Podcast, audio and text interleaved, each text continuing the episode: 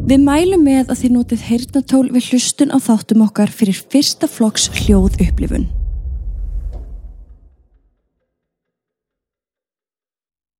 Komiði sæl, ég heiti Katrín Og ég heiti Steppi. og í dag ætlum við að segja ykkur draugasögu. Loftið var heitt og rakt þetta kvöldið þegar Rob ræstitæknir veitingahúsins lagði bílnum sínum fyrir utan. Hann var 18 ára gamall og þetta var hans fyrsta alvöru starf og hann var staðráðin í því að standa sig vel. Klukkan var að nálgast miðnætti þegar hann gengur inn á staðin með skúringamoppu og fötu í báðum höndum. Hurðin skall á eftir honum með miklum látum á meðan hann lagði frá sér dótið á borð þarna skamt frá. Það var dimmt þarna inni og andrúmsloftið þrungið. Blanda af bjórlikt og matarlikt tók á mótonum og miðaði við suppið á borðum og gólfi þá var greinilegt að staðurinn hafði verið fullur af fólki fyrir um kvöldið. Þetta var fyrsta vaktin hans og þó hann hafi farið hringum staðin með eigandanum daginn áður þá gata hann ekki munað hvar ljósrofin var. Svo hann hringsnýrist í myrkrinu dálitla stund þáka til að var skyndilega bankað fast á gluggan. Honum snöggbregður, hann kippist til og snýr sér hratt að glugganum þaðan sem banki kom. Fyrir utan gluggan var stelpa sem hann kannaðist við. Hann hafði séðan að vera að vinna á barnum. Hún brosið til hans og vinkar áður hún veiðir bíliklana upp úr veskinu sínu og hverfur út í myrkrið. Rob stóð kvektur og vinkað á móti þó hann efaðast um að stelpan hafi tekið eftir því þar sem að hún var nú þegar búin að snúa baki hann. Hann átti ekki vonaði að neitt væri í byggingunni. Ætl hún hafi verið seinasti starfsmaðurinn til þess að fara. Halló, kallar hann út í loftið. Er einhver hér? En enginn svarar. Hann hristi af sér þessa óþæglu tilfinningu sem lættist upp eftir bakin á honum. Vanalega var hann ekki myrkvalinn, en það var eitthvað við þennan stað sem vakti óhug hjá honum. Kanski voru það öll blóminn sem hengu niður úr loftinu eða rauðbrúni veðurinn sem var allstæðar. Eftir viðfangsmikla leit þá fann hann loksins ljósrófan og kveikti. En í sömu andrá springa perurnar og rafmagnið fyrir af. Myrkrið umlugtan og í smá stund var honum næst að hlaupa út. Hann dró djúftin andan og hugsaði með sér að hann yrði bara látið þetta virka. Hann yrði að þrýfa staðin eins og vel og hann gæti í myrkrinu og síðan myndi hann segja eigandanum á morgun hvað hefði gerst ef það kæm einhverjar kvartanir. Svo hann gengur að skúringagræðunum, tekur upp fötuna og fer í átta eldúsinu til þess að ná í vatn. En þá heyrir hann þessi rosalegu læti komaðaðan eins og einhver hafi mist hnífapör út um allt gólf. Rob stoppar fyrir framann hurðina sem hann leiti inn í eldús og hann heyrði greinilega í einhverjum vera vesenast fyrir innan. Eflust einhver starfsmæður hugsaði hann með sér, en af hverju hafði hann þá ekki svarað þegar hann kallaði á þann. Halló? kallar Rob á sama tíma og hann gengur inn í eldúsið. Það var dimmt þar inni eins og á öllum staðanum en hann tók eftir hnífapurum út um allt gólf. Hann leiti kringum sig og bjóstu auðvitað við að sjá einhvern, en þarna var enginn. Hann var aða leit. Hann leggur fötuna frá sér, beigir sér niður og tekur upp einn gaffalinn. En akkurat á sama tíma sér hann hvernig stór og beittur hnífur sem lá á borðinu við vaskin kastast þvert yfir herbergið beint í átt til hans. Á örfáum sekundum náði Rob að beigja sér niður svo að hnífurum fór yfir hann og endaði í vegnum hinum einn áður en hann síðan datt í gólfið. Þetta atvik fylgti mælin. Rob tók á rás út úr eldúsinu og yfir veitingahúsið. Þá heyrir hann hvern manns hlátur koma frá efri hæðinni en hann þorði ekki fyrir sitt litla líf að stoppa. Hann var komið nóg af þessum stað. Það var eitthvað þarna inni, eitthvað sem var ekki af þessum heimi og hann hafði engan áhuga á að vita hvað það var. Svo án þess að taka með sér ræstingagræðunar sem hann kom með, hljópan að útidur á hörðinni, hraðaði sér í gegnum þær og inn í bíl. Í stuttastund sat hann á bílastæðinu og starði inn á staðin og þá sér hann hvernig öll ljósin inn á staðinu kvikna á sama tíma. Rob yfirgaf veitingastæðin í flíti og sagði starfi sínu lausu næsta dag. Hann hefur aldrei þórað að stíga fætið ángað inn aftur. Veri velkomin á veitingastæðin Ashley's of Rockledge.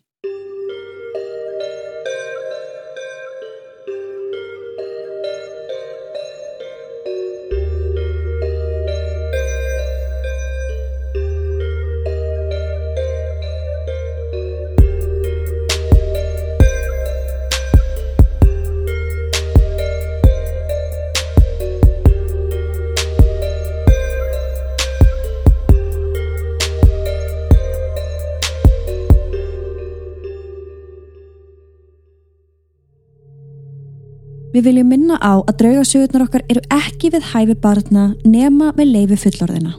Og með því hefjum við sögu dagsins. Eins og þú sagðir í síðustu mínusögu steppi að þá í áskriftasögunni í sænustu viku þá kostuðum við fram þeirri hugmynd að þið hlustundur myndi koma með hugmyndir af næstu sögum. Alveg rétt. Þið áttu að segja okkur hvertið hyggist ferðast í sömar og við myndum þá skoða þann stað og aðtuga hvort við getum fundið einhverja skemmtilega draugasögur þaðan. Fyrsta kommentið kom frá Olgu en hún er búsett í Flórida og sagðist vera rosalega spennt að heyra draugasögur þaðan og við ætlum að sjálfsögða verða við þeirri bón. Í dag eru við því stödd í sólinni í Flórida í bænum Rockledge. Ég hef einu sinni komið til Flórida. Já, Við fórum saman í vinkonuferð, ég og auðna vinkonu mín, ég held að hafi verið 2014 eða 2015, fórum til Orlando en ég og þú, við höfum alveg talað um að við viljum fara ángað. já, ég hef einu svona komið áka. Ég var til að fara áka aftur, það er mjög langt síðan. Taka rannsók. Hver veit hvort við gerum það ekki bara í Rockledge? En Rockledge er vist ekki nema 53 mínútum frá Orlando. Orlando? Já, ég held sko Orlando er örgulega svona staðurinn sem við Íslendingar myndum ferðast til. Jú. En ég meina þú ert á bíl, Já, það er allir held ég á bíl í Flórida. 53 mínútur, það er ekki langt. Það er bara, herðu, við þurfum bara að bóka. Ég er nefnilega að veita. Og Rockledge er elsti bærin í Brevadier síslu í Flórida. Og þarna var byrjað að búa árið 1887. Þetta er ekkert svo gamal. Nei. Og svo var þessi litli bær að borg árið 1925. Og þarna er vist bara rosa gott að búa. Held að íbúa sér tæplega svona 27.500 cirka talsins. Mhm. Þetta virkar held ég svona eins og eitthvað útkverfa suburban feelingur. Og svo er þarna Indian River sem er stór á eða 195 km lengt. En við eigum eftir að tala aðeins um hana í sögun okkar hér á eftir. Við erum hinga komin til þess að heimsækja eitt ákveðið hús. Það sem í dag er starfandi veitingahús sem heitir Ashley's. Við kíktum aðeins á Google Maps til þess að fá svona smá tilfinningu fyrir húsinu og umhverfunu í kring. Það fyrsta sem ég tók eftir var að húsið virðist ekki vera þessi veitingastæður sem er þarna núna á Google Earth. Ef þið skoði myndirnar aðeins, fyrsta myndin hérna er frá Google Earth og næsta mynd er frá veitingastæðinum í dag. Hann verðist hafa verið tómur eða skilin eftir auður þegar að Google Maps bílinn gerir framjá. Gæti verið, þið sjáu að núna er komið þarna stórt skilti með nafn veitingahúsins og á töfluna fremst er búið að skrifa hvað er í bóði þann daginn. En svona fyrir utan það að þá er húsið alveg eins og það hefur alltaf verið. Já, það verðist ekkert hafa verið gert á milli þessara mynda allavega. Nei, Þetta hús minnir mann alveg pínu á Ancient Ram Inn. Það er þessi svona rammar á veggjónum einhvern veginn. algjörlega og fólk segir það alveg. Það er alveg svona breskur fílingur yfir þessari byggingu. Já, og sama tíma þá sér maður svona fyrir sér umhverfið eftir að hafa keirt í gegnum þessi smábæ. Mhm. Þetta er eins og þessir outlet litlu bæir, pínu þannig finnst mér. Já, og svo er náttúrulega bara hraðbrutt beint þarna við hliðin á. Já, En ég get sagt ykkur það að sagan hérna í byrjun um strákin sem var að koma sinn fyrsta dag í vinnuna, hún er dagsönn. mhm. Það í alvöru kom hnífur þvert yfir eldúsið sem hefði hæft hann beint í magan ef að drengurinn hefði ekki náða að beigja sig frá og þetta er bara alls ekkert einstæmi. Er þetta ekki rosalega algengt líka að hnífa kast? Jú, og inn í þessu húsi er bara mikil poltergæst orka. Við erum að tala um að hlutir er að tínast eða færast úr stað. Diskar fljúa úr hillum og starfsfólk hefur séð muni svífa í lausu lofti. Ljósin láta öllum illum látum og sjónvarpið hefur sjálfstæða vilja. Hurðir opnast og lokast á sjálfu sér og fólk hefur heyrt kvísl, öskur og samtöl í mannlausum herbergjum. Við getum alveg sagt að það fer ekkert á milli mála að þarna er reynd. Þarna er einhvers konar draugagangur, úst, það eru allir sammála um það. Já, En af hverju stafar hann og hver er sagan þar á bakvið? nú á landinu það sem húsi stendur nú á var eitt sinn járnbrauta geimsla sem brann til kaldra kóla. Við veitum ekki alveg hvernig hún brann þá hvort að það hafi verið eitthvað óhap eða íkveikja það fylgir ekki sögunni. En húsið okkar, það var líklega byggt í kringum 1932 af aðtamnamanninum Jack Allan. Hann opnar þarna þessa fínu krá sem að herramenn heimsóttu í sínu fínasta pússi með eiginkonirnar á arminum sem klætust síðkjólum. Þetta var flottur staður sem allir vildu vera á en það var hann líka á fullkonum stað af því hann var alveg upp við veginn og játbröta teinana. Já, og eins og við höfum talað um áður, þá var best að vera með einhvers konar regstur eða gistiheimili nálægt járbröta teinum hér í gamla daga, því þar var mikið að gera. Við erum að tala um að það var eina leiðin til þess að fá fólk inn í þitt business. Akkurat. Þannig að þetta var mjög dýrmætt. Ferðamenn voru að koma inn í borgina og stoppuðu þar og fenguðu sér líka kannski bara eitthvað smá að borða það. Jack átti staðin í einhver tíma en síðan skipta hann sig oft um eigendur og nafnið á honum breyttist með. Fyrst hérna jú Jack's Tavern, síðan Cooney's Tavern, The Mad Duchess, The Loose Caboose, Sparrow Hawk og Gentleman's Gym og svo á lokum Ashley's of Rocklets eins og við þekkjum hann í dag. Þarna hefur sér satt alltaf verið starfandi einhvers konar bar eða veitingahús og gegnir húsið því hlutverki ennþá í dag. Sko, þar sem að eignin hefur farið á milli svona margra eigenda þá hefur sagan alveg svo litið glatast. Þó það virðist vera að draugangurinn hafi ávalt verið þarna, þó hann hafi að vísu aukist til muna eftir að minnstakosti tvö atvik sem hægt er að tengja við staðin. Mystík er crime podcast sem við hjónin höldum úti sem fjallar um dularfull og skrítin mál. Morð, mannskvörf, myrkraverur, mannrán og aðrar misterjur. Þættirnir eru allir mismunandi uppsettir eftir því hvaða máli teki fyrir hverju sinni. En ef þú hefur gaman að true crime og öllu því skrítna og undarlega sem er að gerast í heiminum, þá skaldu prófa að hlusta á þessa þætti. Þú finnir Mystic podcast á öllum helstu hlaðvarpsveitum en ef þið langar í meiri Mystic í lífið þá bjóðum við upp á áskriftarleið. Þú getur skráðið á tvenna vegu. Annars vegar getur þú leitað að Mystic áskrift hér á Spotify og skráðið beint í gegnum það. Eða þú getur farið inn á patreon.com skástrygg Mystic podcast og skráðið þar. Sama áskriftarleiðin á sama verði, bara tveimur mismunandi stöðum til þess að koma til móts við þarfir hlustenda. Við setjum linka í sjónót sem þú getur skoðað eftir að orkun að hlusta. En núna skulum við halda áfram með söguna. Fyrsta frásögnin er að gerast þann 21. oktober árið 1934 þegar Jack okkar fyrsti eigandin átti barinn. Maður er að keira meðfram ströndinni þegar hann sér eitthvað skrítið. Hann stoppar bílinn og fer út til þess að rannsaka nánar hvað þetta var. Þá sér hann að þetta var illa farið lík konu. Hún hafði verið skorin á háls og var með stórt sár á enni. Höfuðkúpan hennar hafði verið brotin og hægri hlið andlit hennar var hálfpartin kramið svo það vantaði tennur og hluta úr kjálka. Annar fóturinn var nánast horfin og líkið var ofan á allt annað, illa brunnið líka. Svo það leiti út fyrir að morðingin hafi reynt að brenna líkið til þess að losna við það áður en hann hendi því ofan í Indian River ána. Það voru engin ummerki á eða í kringum hana og þá erum við að tala um það var ekkert morðvopn eða eitthvað álíka sem gæti gefið lauruglunu hugmyndum hvað hafði gerst þarna. En það fannst nælón sokkur utan um hálsin á stúlkunni og svo var stúlkan líka með tattu á fætunum sem ástóð BK. Annars var hún bara nakin, nema hún var með ring líka á einum fingri. Hér erum að ræða 19 ára stúlku sem hétt Ethel Allen og við ætlum að láta tvær fréttagreinar hérna fylgja með um málið á Patreon. Það kom í ljós að seinast hafði sérst til hennar á Jack's Tavern og einhver staðar las ég að hún hafi verið skild Jack. Ó, Já, og þess vegna hafi hún verið fastagestur á staðanum. ég skil.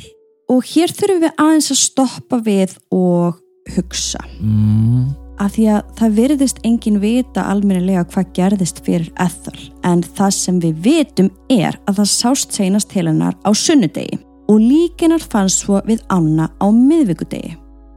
Réttamennafræðingar voru sammála um að þegar hún fannst þá var hann búin að vera látin í um þrjá daga. Svo líklegast var hún drepin á sunnudeginu. Já, sko það er engin ein grein sem við getum stutt okkur við hérna. Akkurat núna erum við með sex greinar fyrir framann okkur Mhm. og við erum búin að liggja yfir þeim til þess að reyna að sjá einhvern svona rauðan þráð í þessu máli Akkurát. og með þessa greinar í huga þá held ég að þetta hafi gerst einhvern veginn svona. Ethel kveður vini sína og segist vera að fara að heimsækja móður sína sem bjó aðeins frá með vini sínum William Wilson. Líklegast hefur hún svo stoppað á barnum Jack's Tavern með þessum William þar sem hún kynir hann fyrir nokkrum vinum. Þó að það séu engar haldbærar sannanir fyrir því þá þykir líklegast að hún hafi verið drepin á barnum. Það var vitað að Ethel átti svo lítið vafasama vini sem við getum kallað gangstera Já. og já, svona fólk sem að skemmti sér mjög hart og oft í marga dagi röð. Svo það er ekkit út úr myndinni að einhver þeirra hafi drepið hana. Það er talað um að hún hafi verið drepin inn á baðherberginu eða á annara hæðinni, inn í geimslunni eða jafnvel fyrir utan eða í stegunum. Og svo eru það þeir sem að segja að hún hafi bara alls ekki verið drepin á staðnum.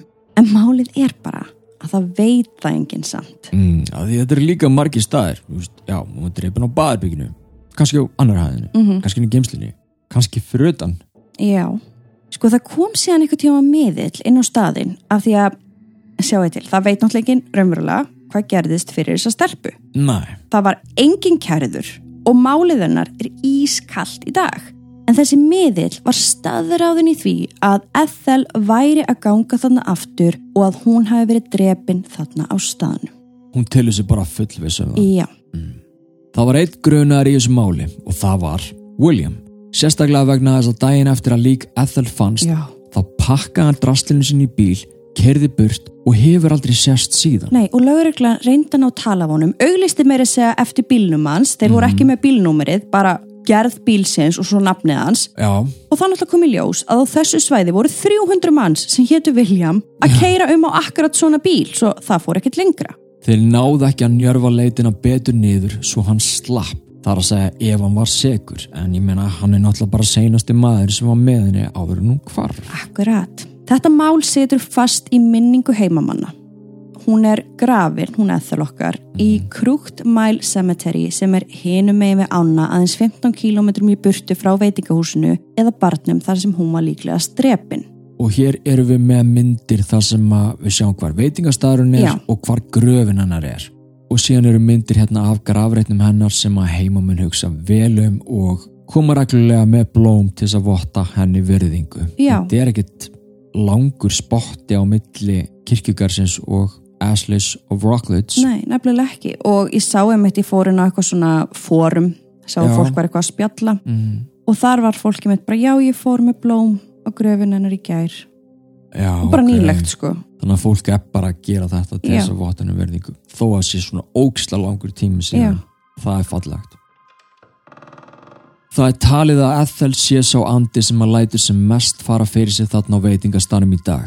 Því eins og við vitum, fólk sem er drepið á það til að vera eftir á staðnum þar sem það týndi lífi sínu. kannski vill hún deila með okkur hvað gerðist sérstaklega vegna að það var engin gerður ábyrgur fyrir döðennar máli var aldrei leist Næ, svo það er alveg pæling hvort að Ethel sé að reyna að segja okkur eitthvað. Starfsfólk og gestir staðarins segja að Ethel láti finna mikið fyrir sér og hún hefur gaman að því einn draugasaga kemur frá fasta gesti staðarins sem að ætlaði að nota baðherbergið sem þeim muni var hugsanlega sá staður þar sem Ethel var myrt Þessi kona gengur inn á baðherbergið og þar voru svona stallar en hurðarnar voru lokaðar á þeim öllum. Hún kunni ekki við að aðtuga hvort að einhver væri opinn svo hún beigir sig örlítið til þess að aðtuga hvort hún sæi fætur. Og jú, hún sá hvernmanns fætur á einu klósettinu í svona gamaldags skóm. Konan fer þá á klósetti við hliðin á og eins og við vitum á svona almenningsklósetti þá heyrir maður allt sem er að gerast á klósettinu við hliðin á. Ó já. En konan, hún heyrði ekki neitt. Engin náði klósettpapír, engin styrtaði niður og fór fram, þannig að konan lauk sér af, fór fram og þvoða sér hendurnar, en þannig var henni byrjað að finnast smá skrítið að konan við hliðina á var ekki búin að reyfa sig. Svo aftur beigir hún sér niður til þess að aðtuga, en í þetta skiptið sér hún engan. Hún var svo furðulostinn af því að hún vissi að ef að konan hefði farið út á meðan hún var sjálf á klósettinu, þá hefði hún heyrta. Auðvitað. Svo hún fer á barinn og segir konunni sem var að vinna þarna frá því sem að hún hafði séð. Konan á barnum hétt Kristi Taylor og hún hafði starfað á staðnum í mörg, mörg ár og þekkti staðin út og inn. Þessi frásögn konunar kom henni ekkert á óvart. Hún sjálf hafði nefnilega lent í óþægilega atviki á sama klósetti. Hún hafði þá stokkið ánga einn til þess að pissa og allir básatnir voru lausir, svo hún valdi sér einn og laug sér af. Nefn að þegar hún ætlaði að opna hörðina til þess að fara út, þá var hörðinni skellt framann í hana svo hún lokaðist aftur. Kristi reyndi þá að opna aftur en það var greinilega einhver fyrirstaða því þótt að hörðin væri ólæst þá gat hún ekki opnað hana. Hún reyndi að hjakkast á henni í öruglega góða mínútu þá hún geti loksins hörðin rökku upp og hún komst út. Og þetta er ekki allt. Kona sem að sér um að þrýfa baðherbergið hafði vist oft kvarta yfir því að hún væri aldrei einn þarna inni. Í eitt skipti þegar hún var að þrýfa var pikkað fast í bakið á henni eins og einhver var að reyna að ná aðtiklennar en þegar hún snýri sig við þá var enginn sjáanlegur. Þannig að það er greinilega rosa mikið að gerast inn á þessu Það er baðherbergi. eitthvað að frétta að hana. Annar gestur mann eftir því að hafa setið við borð og sé þá hnífapurinn á borðinu við hliðan á sogast að hvort öðru eins og seglar og áður hún vissi af voru allar skeiðar, hnífar og gaflar komnir í eina hrúu á miðjuborðsins. Við erum að tala um poltergeist þarna, Já, einhver vitsmunuleg orka inn á baði sem er að pikka í konuna rétt. og svo bara, Það er bara nóg að gera já. Þessar sögur eru mjög óögulegar ef maður er að lenda sjálfur í þeim en ég veit ekki, kannski ekki þannig að maður myndi hlaupa út af staðinum öskrandi Já, kannski svona einstaklingsbundi. Já. Sumur myndu kannski gera það. en Kristi segir að stundum verður andrúsloftið alveg þannig. Já. Það er alveg greinilegt að Ethel er að reyna að ná sambandi við lifandi fólk en þegar henni finnst þau ekki hlusta þá reynir hún aðrar leiðir og starfsfólk talar um að þá sé hún að reyna að segja þeim, jafnvel sína þeim hvernig hún dó. Og við höfum talað um þetta áður, veist, þegar að andar er að reyna að ná aðtegliðinni, þeir eru ekki að ná því, kannski ert ekki að heyra, þá bregða þeir á það ráð einmitt að færa hluti eða koma ykkur læti eða skell ykkur um hörðin bara til þess að fanga þína aðtegli. En hér erum við að tala um öskur sem að heyrast út um allan staðin en oftast komaðu þó á nóttunni. Fyrir utan staðin er lauruglustöð og lauruglumenn hafa orðið varir við þetta öskur þegar staðurinn er mannlaus. Þeir hafa meiri segja einu sinni farið ángað inn, vissir um að eitthvað væri að gerast þarna en þeir fundi ekki neitt. Hnífar eiga til að kastast í eldúsinu líkt og drengurinn lendi í hér í byrjun og næmir gestir hafa talað um að þeim finnist eins og þrengt sé að öndunarvegi þeirra þegar þeir eru að ganga að baðarbygginu upp stigan og á annari hæðin. Akkurat og þú ert um þetta að segja hérna eins og vorum að tala um áðan. Það eru staðirinn sem við verðum að tala um. Þessir hotspots, er Já, já. Og hér erum við reynda með mjög merkilega mynd en hér telur starfsfólk sig hafa náð Ethel á mynd í tröppunum. Já, þetta er klárlega einhver paranormal mynd. Ég sé ekki andlit úr þessu. Nei, ég held líka að það sé ekki endilega það sem þau segja sko. Nei, ok. Þau segja bara hjúst, hér er eitthvað yfirnáttúrulegt á sveimi Mm og þar sem Ethel er bara sterkasta orkanandinni þá telja þau að þetta sé hún Ég skil. en þau eru ekki að sjá neina fíguru sko. Nei, ok.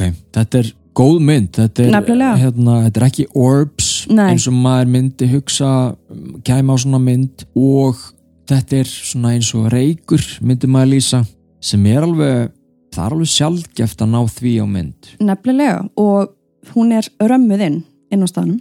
Þetta er bara awesome. Greg Parker, eigandi staðarins, er ekkert að fara lengt með það að þarna séu draugar. Á hverju mótni þegar hann mæti til vinnu talar hann um að honum finnist alltaf einhver vera komin á undan sér.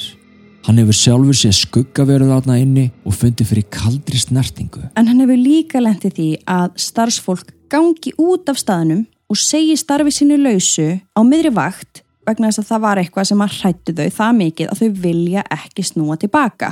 Og þetta minnir mig á eitthvað mál hérna á Íslandi. Þetta bara var að gerast í gær. Já, Vá, þetta er bara nákvæmlega þetta. Fólk er að lýsa því að það sé einhver komin á vinnustæðin á undan Akkurat. þeim. Fólk hefur séð eitthvað og starfsfólk er að segja upp störfum út af remleika. mhm. En já, þetta er merkilegt. Þátturinn sem þú ert að hlusta á er gamall áskriftarþáttur. Draugasögur er podcast þar sem hefð yfirnáttúrulega lifna við og þar sem martræðir verða veruleika. Við ferðumst með þig á skuggarlegustu staði heims og köfum djúft ofan í sögurinnar til þess að reyna að finna út af hverju draugagangurinn stafar og oftar en ekki flækjumst við inn í einhver glæpamál, morð, sveik eða bölvanir. En ekki halda við séum engungu að tala um drauga. Við höfum virkilega gaman á sögulegum staðrindum og skjálfestum heimildum. Í hverjum þætti spólum við tilbaka til fortíðar. Því eins og við segjum alltaf, það er nöðsilegt að þekkja söguna út og inn áður en maður fyrir að greina hvers konar reymleiki er þarna á sveimi. Erum við að fást við vitsmunalega anda, poltergeist, residual eða endurtegna orku? Og hvað þýðir þetta allt saman? Hvernig þekkjum við munin? Engar áhyggjur, við munum kenna þér. Við bjóðum upp á þrjár áskriftarleiðir inn á Patreon og inn á Spotify. Vinstælasta áskriftarleiðin okkar er draugasögu kynnslóðin inn á Patreon þar sem þú farið mínisögu á mánudögum og áskriftasögu í fullri lengt á miðgudögum. Þú far aðganga viðtölum við frægustu nöfnin í paranormal heiminum og fær tækifæri á að koma með okkur í rannsóknir bæði innanlands og erlendis. Svo ef þú ert forvitur um drauga, þú hefur gaman að trú kræm og vilt mögulega bóka þér sögulegt draugahótel í næsta fríi. Eða ef þú hefur gaman að því að ferðast og skoða fræga staði með óhugulegri sögu, þá skaltu prófa áskriftin okkar. Það gæti komið þér á óvart og hafði í huga að allar sögur sem við segjum eru dagsannar. Farðin á patreon.com skástrygg draugasögur og prófaðu að hlusta frítt í sjö daga. Engin binding og þú far aðgang að yfir 500 þáttum strax við skráningu. Margir paranormalar aðsökundur hafa skoðað staðin og náð alls konar sönunagögnum um að þarna séu einhverjar á sveimi og það virðast vera fleiri en bara Ashley. Eitt kvöldið mæti lítil stúlka á veitingastæðin með afa sínum. Á meðan afinn setur og pantar mat fyrir þau þá er litla stelpan að hlaupa um staðin nema síðan kemur hún til afa síns með tárin í augunum. Afinn spyr hana hvað hafði gerst og litla stelpan svarar þá að það sé önnur lítil stelpa á staðinum sem hafi verið vond við hana og síðan bendir hún á eitt hortnið. Þarna er hún, segir hún svo við afa sinn en afinn hins vegar sá ekki neitt. Þessi litla stelpa sem hún var að sjá hefur starfsfólk líka talað um að hafa séð standa á miðju gólfi staðarins og stara á sig eða hlaupa upp og niður tröppurnar. Þetta barn hefur líka gaman að því að rekja fólk og toga í fötin þeirra. Eftir smá grúsk þá komist við að því að þarna gæti verið á ferðinni andi lítillar stúlku sem að lést á gödunni fyrir framanhúsið í hræðilegu slísi. Annarkvort var kyrt á hana eða þá hún hafi dáið mun fyrr þegar lestin gekk enþá þarna framjá. Þá hún hafi svo satt hlaupið fyrir lestateinuna og þannig týnt lífi sín. Já, emitt. Það er sorglegt. Það er sorglegt. En síðan eru þarna tveir menn sem engin veit almennilega hverjir eru. Eitt starfsmaður talar um að þegar hún var að vinna á annari hæð húsins þá hafi henni verið ítt svo harkalega svo hún dætt niður nokkra tröppur áður en hún náða að grípa í handriði og reysa sig við. Í geimslunni, þar sem alls konar varningur er geimdur, er hræðilega þung orka eins og eitthvað hræðilegt hafi skeið þar inni og í eitt skiptið sá eigandi staðarins risastóra skugga veru standa þar inni. Hér vilja sömur meina að morðingi Ethel gæti verið á ferðinni. Mm. Að þetta séu hans örlög þá að vera á þeim stað þar sem hann tók líf saklusar mannesku Akkurat. og eins og við höfum sagt á þur ef þú varst hálfviti í lífinu þá verður þú hálfviti í framhaldslífinu líka Er ég hett? svo ætla hann sig ekki bara láta finna fyrir sér á þannan hátt Þetta minnir óneitanlega á kvítanunu skála. já það er rétt Paranormalar aðsakundur hafa sagst hafa nátt sönnunum um að hann sé þarna þessi morðingi og þá á mynd. En við gáttum ekki fundið þessa mynd neinstaðar. Nei. Þeir haldaði fram að hann hafi enga stjórn á anda eðþel og að það reyti hann til reyði. Þess vegna reyna hann að gera allt sem hann getur til þess að hræða þá lifandi eins og til dæmis með því að kasta hnífum. Mm -hmm. Og já, allt þetta poltergeist activity. Nú, hinn maðurinn virðist alltaf bara verið í vinnunni. Hann hefur náðst á upptöku standa á fyrstu hæðhúsins með handklæði yfir hendinni líkt og hann sé að býða eftir gestum eða eitthvað svona álíka. Þessi andi vill reyna að hjálpa, hann lagar myndir á veggjum og raðar stólum. Þetta er bara þjótt. Já, og einu sinni voru tveir paranormal rannsakendur að borða á staðnum og þeir voru með EVP-tæki í gangi. Já. Þegar þeir hlusta sig á upptökuna eftir á, þá má heyra augljóslega mann segja Píkabú Nei. Jú, og hvorur þeirra hafði heyrt það þegar þeir sátt og voru að borða en hér var líklega gamli starfsmæðurinn aðeins að djóki þeim. Eða Alveg. það, þeir segja það allavega og Já. starfsfólki líka bara að þetta var eitthvað svona grín. Pottið, er gott hjá hann Þetta var sagan um Ashleys of Rockledge svo núna, Olga mín, þar sem þú ert búsett á Florida þá verðuru að skella þér í kvöldverð á þessum fína stað og taka myndir og deila með okkur hinnum finna orkunaðninni og hver veit nema við gerum okkur ferð einhvern tíma sjálf og tökum rannsókana af því að það er enn þann dag í dag byllandi draugagangur þarna. Fullt af sönnunum hafa náðust Steve Kurski hefur tekið rannsóknarna átta sinnum og náðu ljósmyndum, röddum og EVP þar á meðal Karlmannsrödd sem virtist vera mjög reið. Annar paranormal rannsakandi talaði um að Ethel hafi eldan heim Ó, og byrjaði að hrella eiginkonu hans þangað til hann sló hnefanum í borðið og saði hann að hætta og koma sér út. Og eftir það fóru rannsakendur að trúa því að Ethel væri vissulega vitsmunuleg og gæti greinilega farið þangað sem hann langar. það er svolítið magnað. Það er alltaf svolítið svona merkilegt. og líka, er þið alveg vissum að hafa verið Ethel? Gæti að hafa verið stúlkan? Gæti að hafa verið einhver annar? Það er bara talað um Ethel en svo verður maður alltaf að hafa í huga úst, hversu reyndir paranormal rannsakendur voru þetta? Akkurat. Og svona en þetta er allavega sagan Andaglas hefur verið notað þarna með góðum árangri og eigendur gera núna bara úr því að þarna sé draugagangur. Ég held meiri segja að á sérstökum dögum þá er svona kvöldverður og draugaganga. Næs, það er svo frábært og sem við myndum alveg vilja hvetja íslenska fyrirtækja eigendur að gera líka. Algjörlega. Við erum svo föst í að tala ekki um draugagang en þú veist, það er samt alveg, pælið í því, bara brjálað viðskipta tækifæri á að gera það.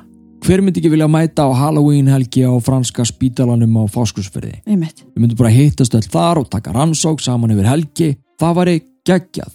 Það væri awesome. Mm En því meður, þá erum við Íslandíka bara ekki alveg komið þangað en þá en vonandi breytist það einn daginn. Nú, við vonum að þið hafa haft gaman að sögu dagsins sem var tilenguð henni Olgu frá Flórida. Skrifið endilega í komment hvert þið eru að fara að ferðast í sumar og við skulum tjekka hvort við finnum einhverja staði fyrir ykkur til þess að skoða. Hafið það sem allra best kæru áskrifundir og þangu til næst. Takk fyrir að hlusta á draugasögur. Þessi þáttur er gammal áskriftaþáttur og ef þið líkar efnið, nennið þó please að setja 5 stjörnur á þinni hláðvarpsveitu og segið öðrum frá. Deilið gleðinni og segið okkur hvað ykkur fannst um þennan þátt. Og svo viljum við endilega hvetja þig til þess að kíkja inn á patreon.com skástrík draugasögur og prófa áskrift frítt í sjö daga. Það er engin bending og þú far aðgang að yfir 500 þáttum strax við skráningu.